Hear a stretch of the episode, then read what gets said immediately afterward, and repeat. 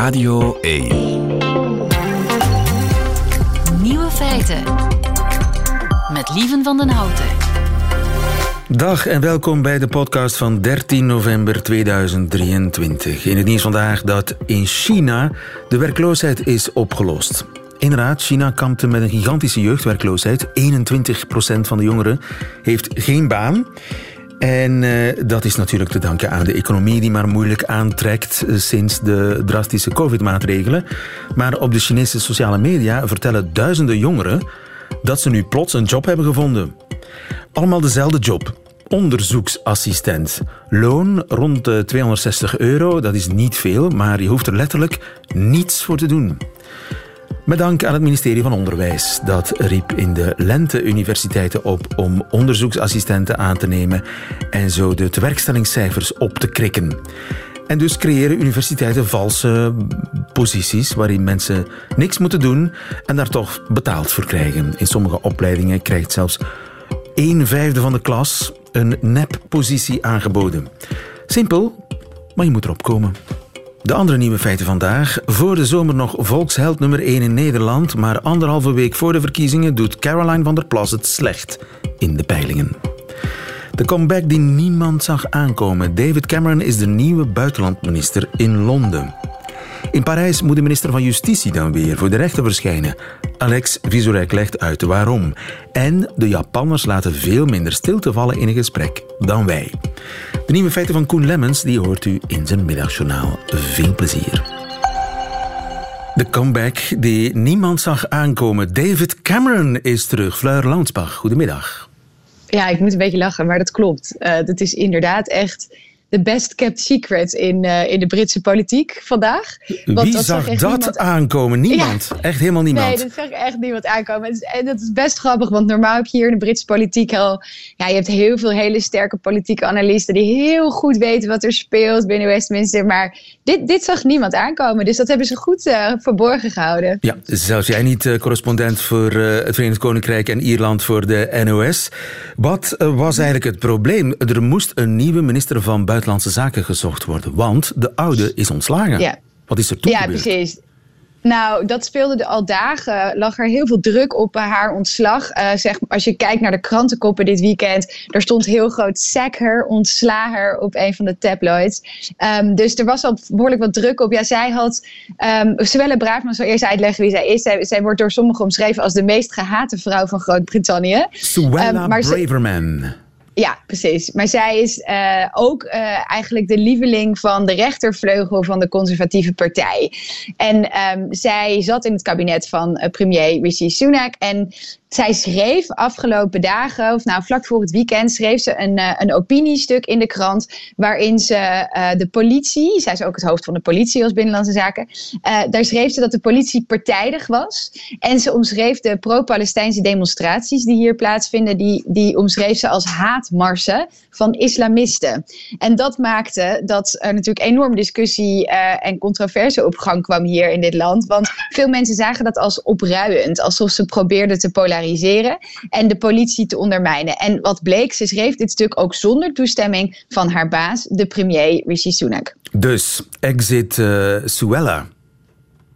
Ja, dus die werd inderdaad uh, vervolgens ontslagen. Trouwens, het is niet de eerste keer dat zij um, zij heeft best wel een tumultueuze carrière. Uh, het is niet de eerste keer dat zij uh, in opspraak kwam. Want zij, zij heeft hele rechtse retoriek. En ze zit ook op asiel, zat ook op asielbeleid.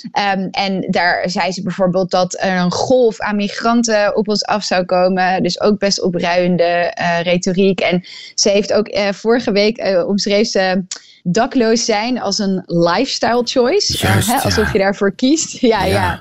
Dus ze heeft best wel wat opmerkingen waar uh, zelfs de rechterflank. Ja, ja, precies. Waar in de rechterflank van haar, van haar partij zelfs zoiets heeft van... oeh, dit is wel heel rechts. Dus uh, uh, Braverman, Suella Braverman uh, eruit. En dan moest er ja. gezocht worden naar een nieuwe minister van Buitenlandse Zaken. Maar hoe komen ze in godsnaam bij David Cameron terecht?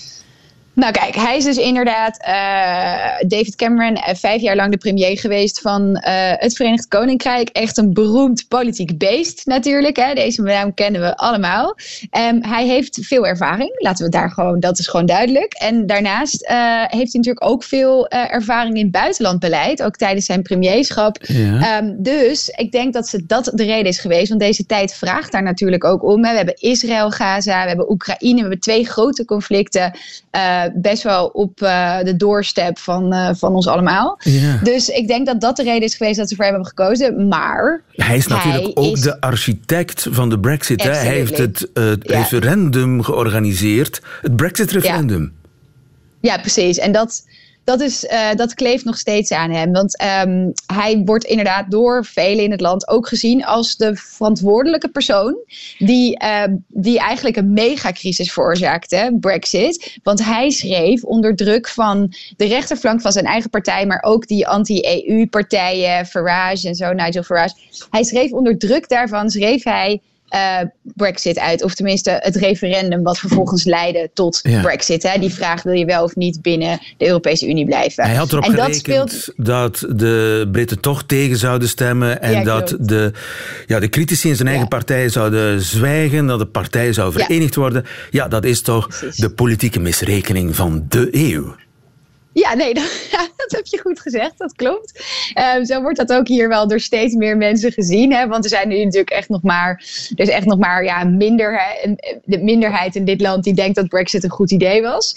Um, dus wat dat betreft, ja, dat kleeft absoluut aan hem. Ja, ja, hij heeft zich toen teruggetrokken. Dit was natuurlijk al 2016 en we zijn inmiddels heel wat jaren verder. Dus hij heeft zich best wel teruggetrokken. Hij is gaan werken in het uh, bedrijfsleven. Hij heeft eigenlijk heel erg ja, zich, ja, niks van zich laten horen, juist omdat hij werd gezien als degene die dit had veroorzaakt. Um, dus hij heeft een tijdje in het bedrijfsleven gewerkt. Daar heeft hij ook trouwens nog wel een, een, een lobby-schandaal gehad, waarin hij zijn oud-collega's in de politiek af en toe even vroeg om een gunst. Uh, dus er werd wel een beetje gelobbyd vanuit het bedrijfsleven de Britse politiek in door hem. Maar buiten, buiten om dat is hij eigenlijk best wel stil gebleven. Hij heeft. Uh, ja, he kept his head down, zeggen ze hier. Zijn er, al, zijn er al reacties op die onverwachte terugkeer van Cameron? Nou ja, ik, zoals ik al zei, iedereen is gewoon een beetje in shock. Uh, er wordt wel. Uh, ja, nee, dit, dat, dat had echt niemand zien aankomen. En dat, en dat is best wel uniek in de Britse politiek. Want meestal hebben ze politieke analisten hier heel goed door wat er allemaal speelt. Ja. Maar dit, uh, nee, dus het is meer gewoon, iedereen is heel verbaasd. Um, maar, en trouwens, Theresa May heeft al wel gereageerd. Theresa May is natuurlijk ook oud-premier. En die heeft al gezegd dat ze, dat ze heel blij is met zijn uh, terugkomst ja. in de politiek.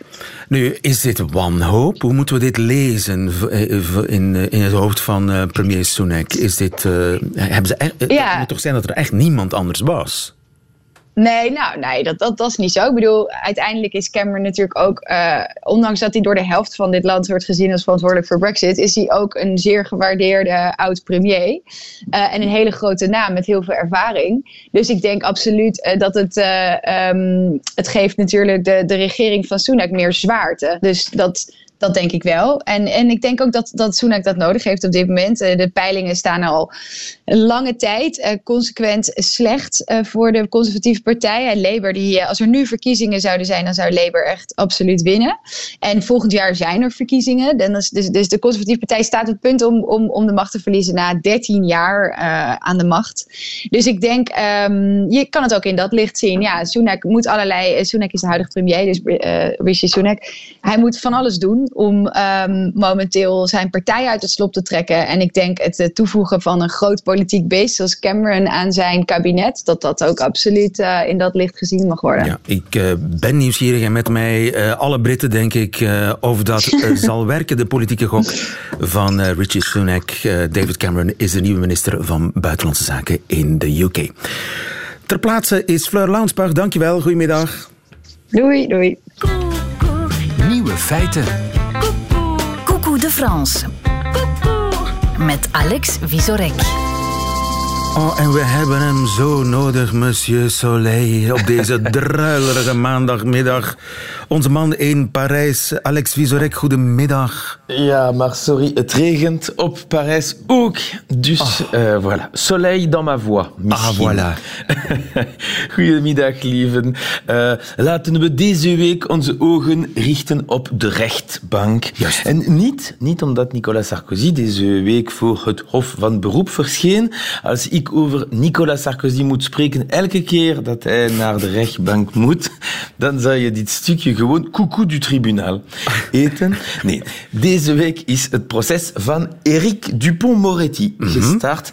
En uh, het is opmerkelijk dat deze man voor de rechter moet verschijnen. En met name voor drie redenen. En de eerste reden is historisch. Cette première, dans notre histoire politique, un ministre en exercice jugé devant la Cour de justice de la République. Het is een première, of een eerste keer, een, een primeur als het ware. Uh, hij is uh, een minister in functie. Het is de eerste keer in de Franse geschiedenis dat een minister in functie voor het Hof moet verschijnen. Ja, en het is ook niet om het even welke minister. Monsieur Dupont-Moretti is de minister van Justitie. Ja, het is dus de minister van Justitie die voor de rechter moet verschijnen.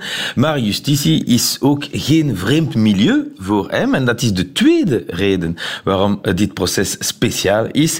Voordat Dupont-Moretti minister werd, was hij op de eerste plaats de bekendste strafrechts advocaat van Frankrijk. En ook een fascinerend man. Zijn achtergrond is niet typisch uh, voor een advocaat. Zijn ouders waren een Italiaanse poetsvrouw en een Franse metaalarbeider uh, van het industriële noorden van Frankrijk. Tijdens zijn jeugd werd zijn grootvader ooit dood aangetroffen.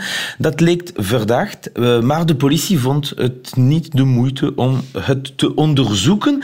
En dit dit onrecht leidde tot een frustratie die de reden was voor Dupont-Moretti om rechten te gaan studeren en advocaat te worden en de gewone man of vrouw te verdedigen. En hij heeft ook een aparte stijl, hè?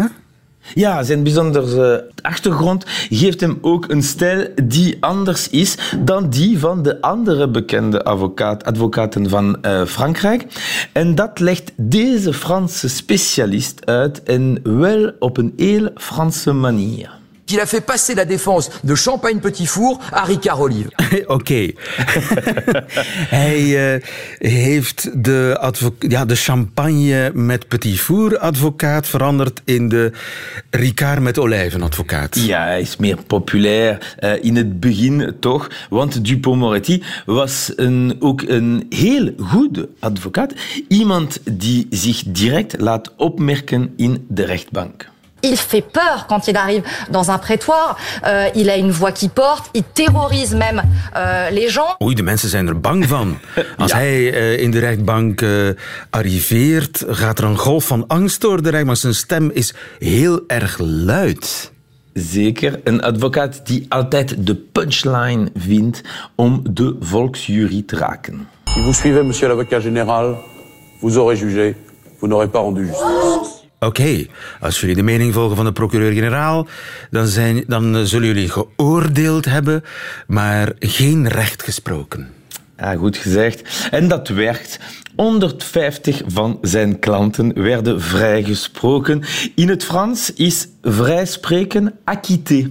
Daarom werd Dupont-Moretti bekend als de acquittator. Ah. Een soort terminator, maar één die dan verspraken Terminator. Ja, acquittator, ja. Okay. Zijn talent voor geniale pleidooien heeft hij meermaals getoond. En als je dit met je eigen ogen wilde zien, maar dan zonder zelfs aangeklaagd uh, te worden, kon je gewoon naar het theater gaan. Want vijf jaar geleden heeft hij een one-man show gegeven waarin hij over zijn werk sprak. Dus de derde reden waarom het proces speciaal is, Dupont-Moretti is een showman. Okay. Door zijn beroemdheid en reputatie is hij stilletjes van gewone mensen zaken naar rijke luis of zeg maar naar boorden criminaliteit geswitcht. De trader Jérôme Kerviel, de politicus Patrick Balkany Of nog Julian Assange. Allemaal klanten die de beste advocaat van Frankrijk hebben gekozen. Hij was dus een opmerkelijke keuze als minister van Justitie. Politieke correctheid kent hij niet. Als minister hebben we hem al een uh, middenvinger zien opsteken in het parlement. En luister eens naar zijn antwoord aan de Kamerlid. Le garde des Sceaux a fait un bras d'honneur. Euh, c'est quelque chose d'assez inqualifiable. Il n'y a pas un bras d'honneur, il y en a deux, mais accompagné de paroles à chaque fois. Oké, okay. de minister van Justitie heeft een middenvinger opgestoken. Ja. Dat is onvoorstelbaar toch? En hij ja. antwoordt, ja maar het was niet één middelvinger, het waren er twee. En telkens met de nodige commentaar erbij. Voilà. Erbij. Het nieuws dat hij minister zou worden, maakte sommigen trouwens niet blij. J'ai eu des magistrats qui étaient en pleurs. Hein. En pleurs. Non, mais c'est vrai, parce que il a dit, il a eu des mots très très durs à l'égard des magistrats. Ja, die vrouw heeft de rechters zien huilen ja. uh, toen bekend werd dat hij minister werd, want hij was altijd heel hard tegen rechters. Een voorbeeld hoor je hier in een van zijn pleidooien tegenover de rechter. Bon, que vous n'aimiez pas les avocats médiatiques, on est quitte, je vous aime pas non plus. Et nous ne partirons pas en vacances ensemble au mois de juillet. Ja, u houdt niet van uh, mediagenieke advocaten. Ja. Dat maakt me niet uit, want ik hou ook niet van u en wij zullen nooit samen op vakantie gaan. Ja, dat is het, ja. Waarom wordt hij aangeklaagd? Ah, goeie vraag, lieve. We spreken van de mens, maar niet van de klaagt. Omwille van belangenvermenging. Is dat juist, goed gezegd? Juist, belangenvermenging. Zeer goed. Ja, een lange woord. Hij zou zijn positie als minister hebben misbruikt om rekeningen te vereffenen met rechters waarmee hij ruzie had als advocaat. Het proces is vorige week gestart, maar hij zal tijdens zijn proces toch blijven werken als minister. Hmm. En men vraagt zich hier in Frankrijk af, kan dat. Er zijn verschillende meningen en zelfs mensen die het niet eens met zichzelf zijn. Ik bedoel Emmanuel Macron. De president steunt zijn minister, maar Emmanuel Macron, de kandidaat enkele jaren geleden, die dacht dit. Si vous étiez mis en examen, est-ce que vous renonceriez à être candidat Oui, de la même façon que dans le principe, un ministre doit quitter le gouvernement lorsqu'il est mis en examen. Oké, okay. uh, zodra er een onderzoek loopt tegen een minister, moet hij de regering verlaten, zei ja, hij dat, toen. Ja, zeker. Nu niet meer, dus misschien. Uh, maar soit. Uh, het is dus een speciale rechtszaak die de Fransen deze week boeit. Een mediatieke advocaat die nu minister van Justitie is en voor het eerst in de Franse geschiedenis wordt aangeklaagd tijdens hij in functie is. Hij zal nog wat te vertellen hebben in zijn volgende one-man-show. Ja, waarschijnlijk wel. Komt, die komt er zeker. Dankjewel, Alex ja. Vizerek, en tot de volgende. Tot de volgende keer.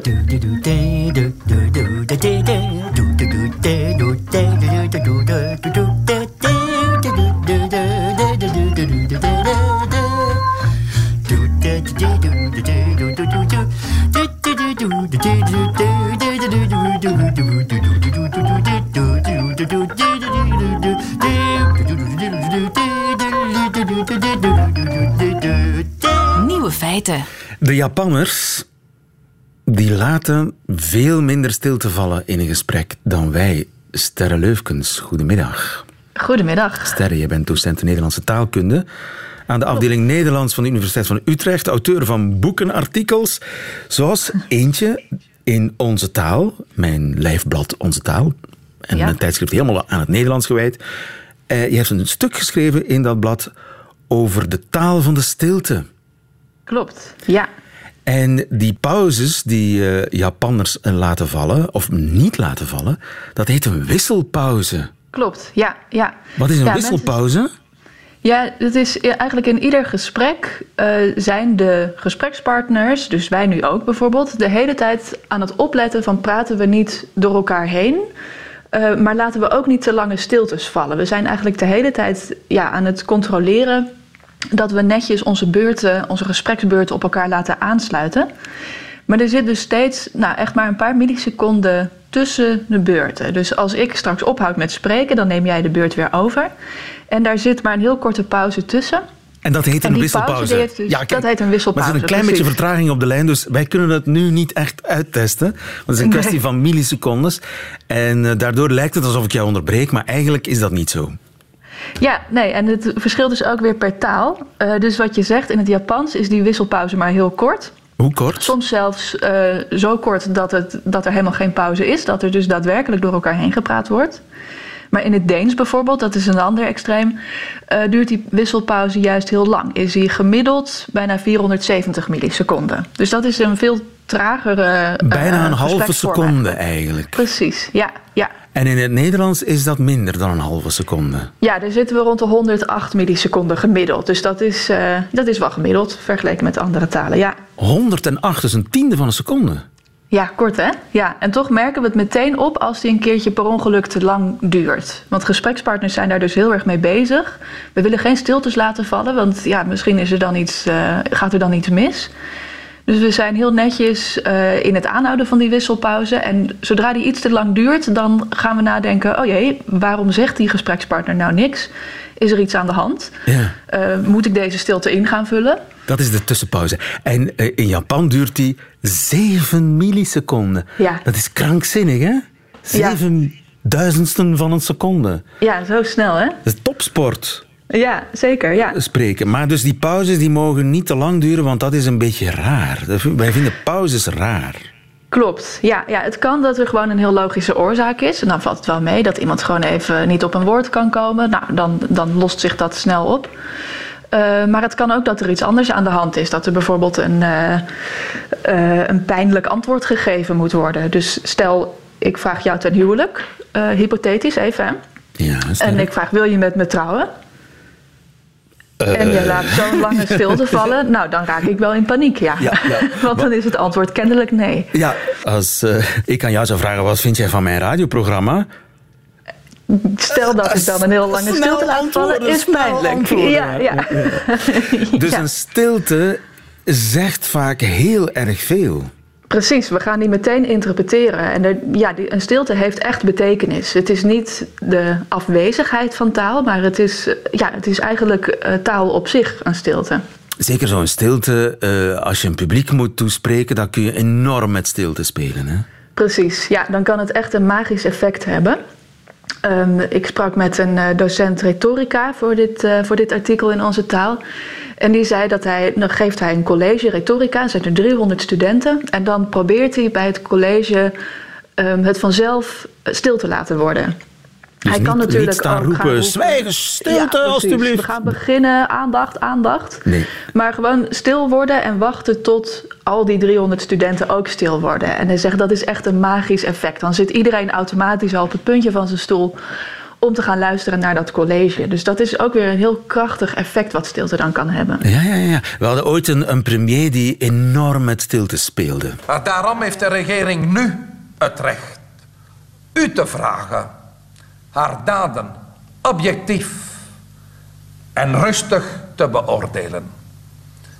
En als u dat doet, zult u in uw hart moeten toegeven dat wij doen wat moet.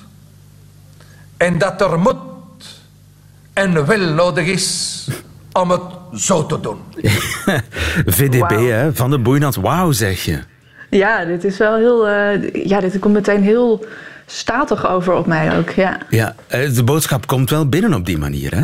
Zeker, ja. ja. Je krijgt ook net wat meer tijd om bepaalde woorden te verwerken als iemand het zo brengt. Ja. En dat maakt denk ik ook dat ze beter landen en beter overkomen. Ja, Ja, Het was 1967, het is een tijdje geleden. Ik weet niet of het nu nog Ja. zou werken, zoveel stiltes. Maar eh, ja, in, als je een boodschap wil overbrengen, denk aan de stilte. Ook eh, aan, het begin, je zei het net, dus de zaal laten stil worden. Maar ook midden in je, in je betoog, eh, een stilte kan wat volgt enorm benadrukken. Hè? Ja, precies. Ja. Dus dat zie je ook in talkshows.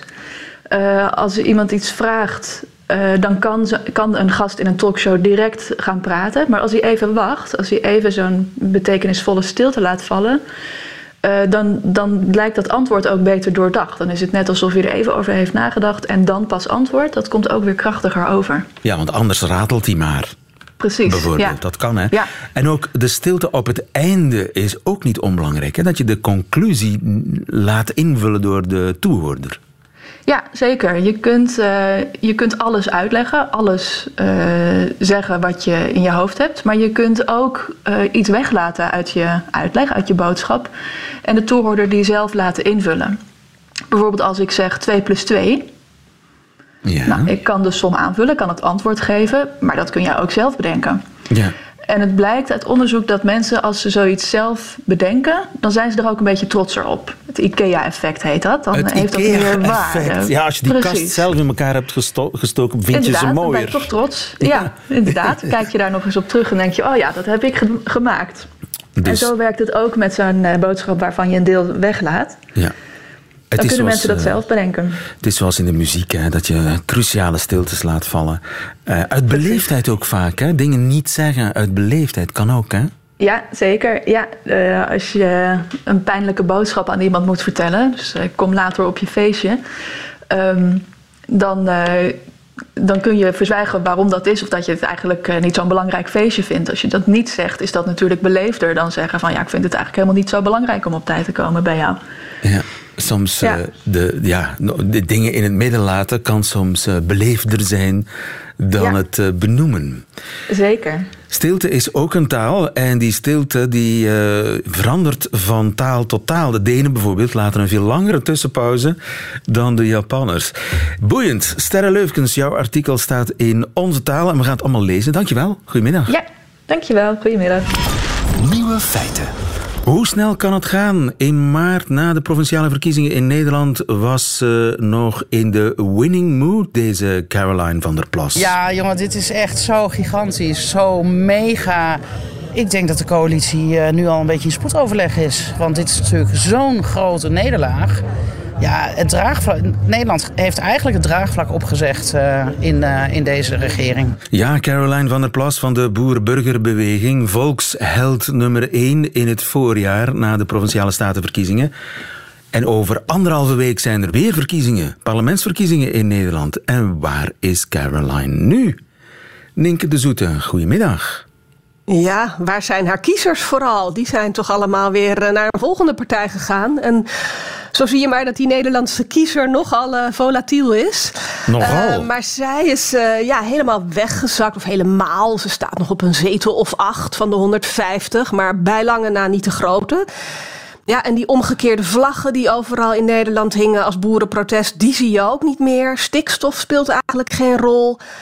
Ja, en er is een alternatief voor de kiezer. Uh, de nieuwe partij van Pieter Omtzigt. En ik denk dat ze daar ook heel veel last van heeft. Ja, dus Pieter Omtzigt is de nieuwe Caroline van der Plas. Moet ik het zo zien? Ja, ze zijn nogal andere types. Maar ik denk inderdaad, de kiezer heeft weer een nieuw iemand gevonden... waar uh, ze al haar hoop op gevestigd uh, hebben. Ja, maar dat gaat zo ontzettend snel in Nederland. Ja, dat is ongelooflijk. Ja, dat is, uh, want een paar jaar geleden was Thierry Baudet nog uh, bij de provinciale verkiezingen de grootste. Nou is het denk ik wel zo over het algemeen bij die provinciale statenverkiezingen ja, dan kan je toch iets meer de proteststem laten horen. Maar als het dan om het landelijk bestuur gaat, zie je toch dat mensen iets meer naar ja, gevestigde partijen gaan. Nou is Pieter Omzicht natuurlijk geen gevestigde partij, maar wel een heel erg gevestigd Kamerlid. Ja, en ze komen allebei eigenlijk uit dezelfde stal, hè? het CDA. Caroline en uh, Pieter Klopt, Omtzigt. hoewel ja, Pieter Omtzigt echt jarenlang actief is geweest voor het CDA. Jarenlang Kamerlid is geweest, daar met ruzie is weggegaan. En Caroline van der Plas was wel een beetje actief bij het CDA... maar heeft daar zelf nooit een rol gespeeld. Zij was totaal onbekend voordat ze met BBB eh, het land veroverde. Ja. Maar inderdaad, qua gedachtegoed komen ze daaruit voort. Ja, en het zijn voornamelijk ook boeren... die de traditionele aanhang uh, zijn van het CDA. het stikstofdebat heeft daar ja, de, de zaken geweldig opgeschud. Is het stikstofprobleem opgelost dan? Nee, helemaal niet. Maar we hebben het er gewoon niet meer over even. En dan uh, komt zo meteen de formatie en dan ligt het weer op tafel. Uh, het is denk ik ook, een, het, is, ja, omdat het natuurlijk al zo lang erover gaat en iedereen ook wel vindt dat er iets moet gebeuren. Uh, maar ja, het is niet een soort lekker thema voor de verkiezingen, ben ik bang. Ja, dus het is heel fascinerend, want dat was bij de vorige verkiezingen ook. En toen daarna was het een levensgroot probleem weer. En ja, de, daar verschillende meningen ook overigens over hoe groot het probleem is. Is. Uh, maar ja hoor, dat ligt gewoon na de verkiezingen weer op tafel. Nu, het zijn hele spannende verkiezingen in Nederland, omdat Mark Rutte is uit de race gestapt. Uh, er zijn een nieuwe partijen, BBB is uiteindelijk toch vrij nieuw, en dan dat uh, nieuw sociaal contract van Pieter Omtzigt. Um, is er een gedoodverfde winnaar? Nou, nog niet helemaal, maar zoals het er nu uitziet, zou Pieter Omtzigt uh, met dat nieuw sociaal contract uh, wel eens de grootste kunnen worden. Uh, vooral de VVD, dus de partij van Mark Rutte, doet het ook goed. Het lijkt nu een beetje tussen die twee te gaan. Eerst deed de PvdA, de, zeg maar de, de, de Sociaal-Democratische Partij, ook nog mee om het torentje, zoals het hier dan heet, met Frans Timmermans, de voormalige eurocommissaris. Maar die lijkt een beetje weg te zakken. Aan de andere kant, het blijkt ook weer uit onderzoek, 60% van de kiezers weet het nog niet zeker. Dus er kan nog van alles gebeuren de komende week. En zou Rob Jetten nog voor een verrassing kunnen zorgen? Nou, misschien wel voor een verrassing dat het verlies meevalt. Hè? Want zijn partij die was vorige keer de tweede met Sigrid Kaag. Uh, de belofte van nieuw leiderschap trok toen heel veel mensen aan. Nou, daar is weinig van terechtgekomen. Dus hij moest vanuit een enorme achterstand campagne gaan voeren. Maar dat doet hij op zich redelijk goed. Hij stond ook bekend als een goed minister. Dus, hè, maar dan is het meer, het valt wel mee. De, verwachting is niet dat hij nog opeens uh, voor, echt voor de grote partijen mee gaat doen. Maar hij kan bijvoorbeeld, stel dat Frans Timmermans nog verder wegzakt. Uh, dan kunnen mensen die bijvoorbeeld voor het klimaat heel belangrijk vinden, toch kunnen denken, nou, Rob Jetten ook, ook wel een goed alternatief. Of die dan bijvoorbeeld denken, nou, Pieter Omzicht, hmm, die doet toch eigenlijk niet zoveel voor het klimaat. Rob Jetten is toch wel een goed alternatief. Dus, dus je weet het niet, maar ik verwacht niet dat hij nog echt mee gaat doen om, uh, om het hoogste. Nee. Ja, nu, uh, Omtzigt, die laat zich in debatten af en toe niet zien. Klopt. Hij, is, Klopt. hij heeft een, een functie elders, als het ware. Ja, nou ja, hij positioneert zich. Ja, het is wel fascinerend. Hij zegt: Ik uh, wil liever niet meedoen aan van die debatten waar je allemaal maar heel korte tijd hebt. Uh, want dan gaan de mensen door elkaar schreeuwen. En ik wil het over de inhoud hebben. Maar tegelijkertijd haalt hij vooral het nieuws door. Nou, eerst in de zomer gaat hij überhaupt meedoen. Toen de vraag, wil hij dan premier worden? Dan de vraag, wanneer komt zijn verkiezingsprogramma? hey, hij heeft er eigenlijk geen begroting bij geleverd. Dus het gaat eigenlijk vooral om de dingen eromheen en niet per se over de inhoud. Maar hij weet daarmee wel uh, ja, iedereen bezig te houden. Ja, omzicht of niet omzicht, dat is eigenlijk de grote vraag in uh, Nederland. Ja, en dan is inderdaad ook nog de vraag, want hij heeft gezegd: uh, ik wil eigenlijk liever niet premier worden. Dus in principe blijft hij ook als zijn partij de grootste wordt in de Kamer. Maar wie dan wel de premier wordt, ja, daar hebben ze eigenlijk geen idee van. Dat gaan ze ook niet voor de verkiezingen waarschijnlijk bekendmaken. Dat is dus ja, eigenlijk raar, want je, je, je, je wie wordt eigenlijk... gaat Mark Rutte opvolgen? Ja, ja die wordt eigenlijk uh, pas waarschijnlijk, ja, of misschien ver na de verkiezingen beantwoord. Ja, maar dan wordt eigenlijk aan de kiezer gevraagd om een kat in een zak te kopen. Nou ja hij, ja, hij vindt van niet. Hij zegt het gaat om de inhoud en we kiezen het nieuwe parlement. En uh, de rol van de premier die is ook veel te groot geworden de afgelopen jaren. Aan de andere kant, ja, die is nou eenmaal steeds belangrijker geworden. En zie wat er allemaal internationaal speelt. Daar speelt de premier natuurlijk een hele grote rol. Maar zijn aanhang, ik was ook nog op, een, op zijn eerste ledendag afgelopen vrijdag. Die maakt het allemaal niet uit. Die vindt het allemaal helemaal prima. Die zeggen eindelijk weer een integere politicus. En ja, die, die slikken alles als zoete koek. Ja, volgende week woensdag weten we het. Nienke de Zoete, dankjewel. En blijf het voor ons volgen. Goedemiddag. Doe ik. Radio 1. Nieuwe feiten. En dat waren ze meteen de nieuwe feiten van vandaag, 13 november 2023. Alleen nog die van professor Lemmens. Die krijgt u nu in zijn middagjournaal. Nieuwe feiten. Middagjournaal.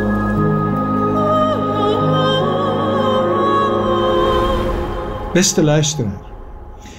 Het Lijvische bluesfenomeen Big Bill wist het al. Aan de stoese is aan.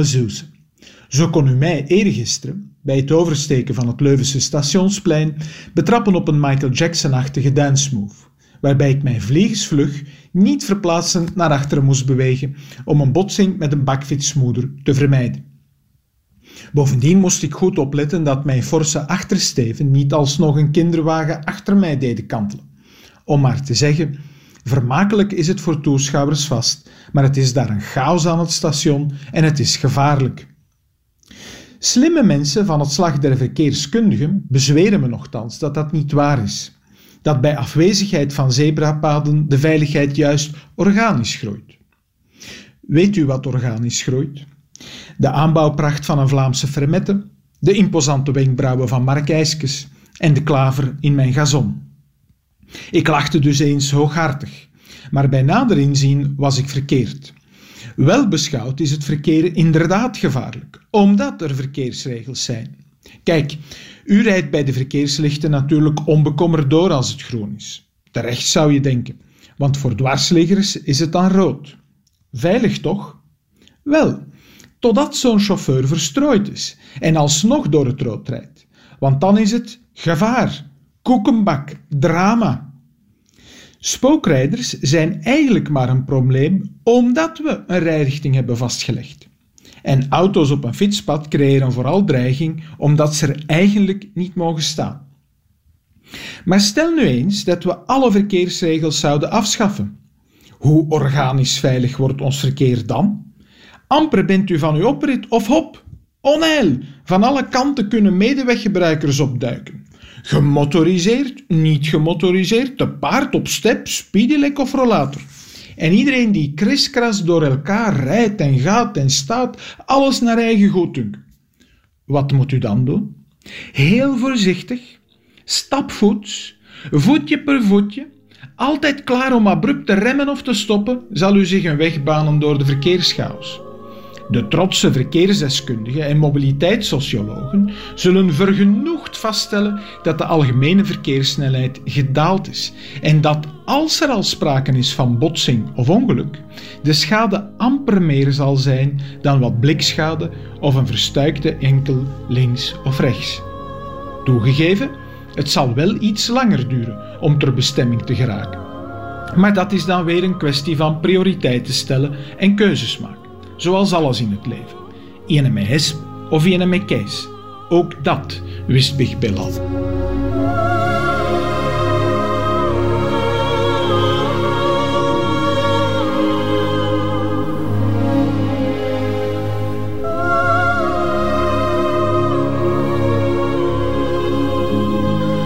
Professor Publiek Recht in Leuven, Koen Lemmens in het Middagjournaal heeft een oplossing voor alles. Einde van deze podcast. Hoort u liever de volledige nieuwe feiten? Dat kan natuurlijk elke werkdag live tussen 12 en 1 op Radio 1 of on demand via VRT Max. Tot een volgende keer.